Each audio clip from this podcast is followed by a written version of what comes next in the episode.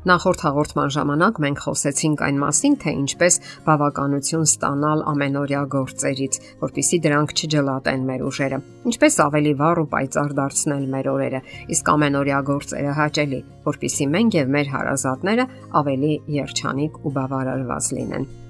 Խոսեցինք որոշ եղանակների եւ սկզբունքների մասին, որոնք իմանալը կօգնի, որ մենք իսկապես վայելենք մեր կյանքի օրերը։ Պետք է հիշել, որ ամենօրյա գործերը այն եղանակն է, որի օգնությամբ մենք կարող ենք կյանքի կոչել մեր արժեքները։ Դա միջոց է, որով հոգատարություն ենք դրսևորում թե մեր եւ թե մեր մերձավորների հանդեպ։ Արդյոք ինձ համար կարևոր չէ, որ ունեմ իմ սեփական ընտանիքը, իմ երեխաները, որ նրանք ապրում են առողջ ու բարեկեցիկ կյանքով, եւ դա իմ կենսական արժեքների դրսևորումն է կամ արտահայտությունը։ Եթե մենք միայնակ լինեինք, միգուցե բավարարվեինք կիսաֆաբրիկատներով կամ մակարոնով ու ավանդական հաց ու պանիրով Իսկ որ ծնողը չի ցանկանում, որ իր երեխաներն ունենան ամենաբազմազան խաղալիքներ, լեգոներ, գրքեր, եթե չլինեին դրանք, տունը կփայլեր մաքրությունից եւ այնքան սուր չէր դրվի տան մաքրության հարցը։ Մենք ցանկանում ենք հագնվել ճաշակով եւ գեղեցիկ, լվանում ենք, չորացնում մեր հագուստները արթուկում։ Հակառակ դեպքում մենք կբավարարվեինք միևնույն ջինսը մի կես ամիս հագնելով կամ էլ մարզական հագուստներով։ Մենք գեղեցիկ ծաղիկներ ենք աճեցնում մեր բնակարանում, որpիսի տունը ոչ միայն հարմարավետ լինի, այլև հաճելի եւ բնությանը մոտ սակայն դրանք խնամել, ջրել ու հողը փխրեցնել է պետք։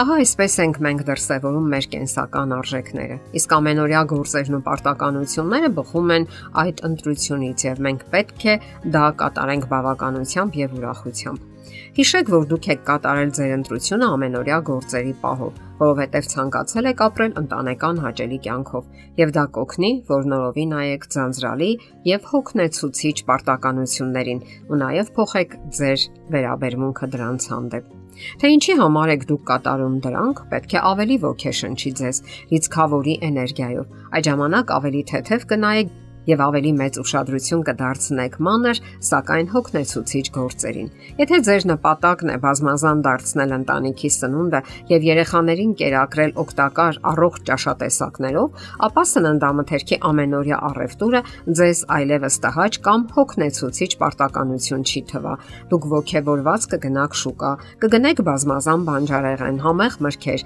ապա կորոնեք ճաշատեսակների նոր բաղադրատոմսեր, հետաքրքիր համադրություններ, կգնաք կգնեք գեղեցիկ սպասք, անսովոր կերպով կկտրտեք բանջարեղենն ու մրգերը։ Ասենք որ նման առաջադրանքների մեջ եւս կարելի է ուրախություն եւ ստեղծագործական մոտեցում ցուցաբերել, հաճելի դարձնել այն, ինչը միապաղաղ ու ձանձրալի է թվում։ Իսկ ինչ կասեք շորերն արթուկելու մասին։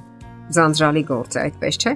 Հասկանալի է, ինչպես հասկանալի է այն, թե ինչ հաճելի է արթնանալ հարմարավետ անկողնում ձյունաճերմակ սպիտակ եղենի մեջ։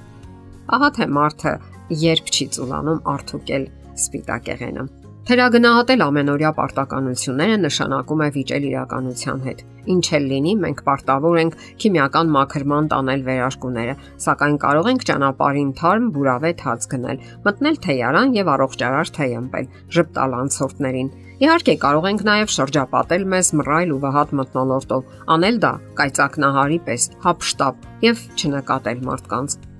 Երբ դուք հարկադրված եք մաքրել տունը, արդյոք ավելի լավ չէ այն գիտակցությամբ մաքրեք, որ հոգատարությամբ հարմարավետություն եք ստեղծում ձեր տանը ձեր սիրելի մարդկանց համար։ Իսկ ինչ ենք շահում, եթե այդ բոլորն անում ենք փնփնթալով ու տրտնջալով։ Միանգամայն հասկանալի է նաև այն, որ նման աշխատանքները մեկի սրբազան պարտականությունը չեն եւ հարկավոր է ունենալ մյուսների օգնությունն ու աջակցությունը եւ պետք չէ բողոքել չարանալ ճակատագրի դեմ։ Ավելի լավ է փորձեք հաճույք ստանալ այդ ամեն գործերից ու գործընթացներից։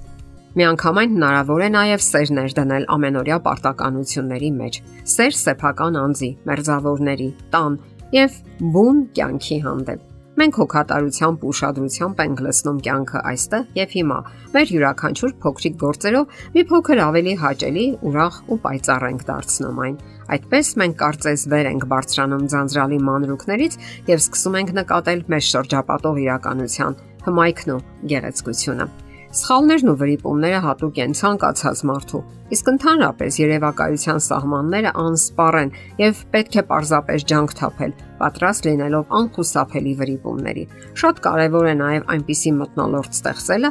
որ անխուսափելի սխալներն ու անհաջողությունները դիտարկվեն ընդհանրապես որպես ստեղծագործական գործընթացի մի մաս։ Այն կարծիքն է իշխում, որ եթե դու ստեղծագործական անznավորություն ես, ապա սխալվելու իրավունք չունես։ Իսկ գիտեք քանի անգամ է սխալվել Թոմաս Էդիսոնը, ինչև ստացել է անհրաժեշտ արդյունքը։ Նա եւս սխալվում էր։ Բնականաբար դուք եւս կարող եք սխալվել։ Դե ինչ, փորձեք վայելել կյանքը, այլ ոչ ձանձրանալ։ Եթերում է ընտանիք հաղորդաշարը։ Հարցերի եւ առաջարկությունների համար զանգահարել 033 87 87 87 հեռախոսահամարով։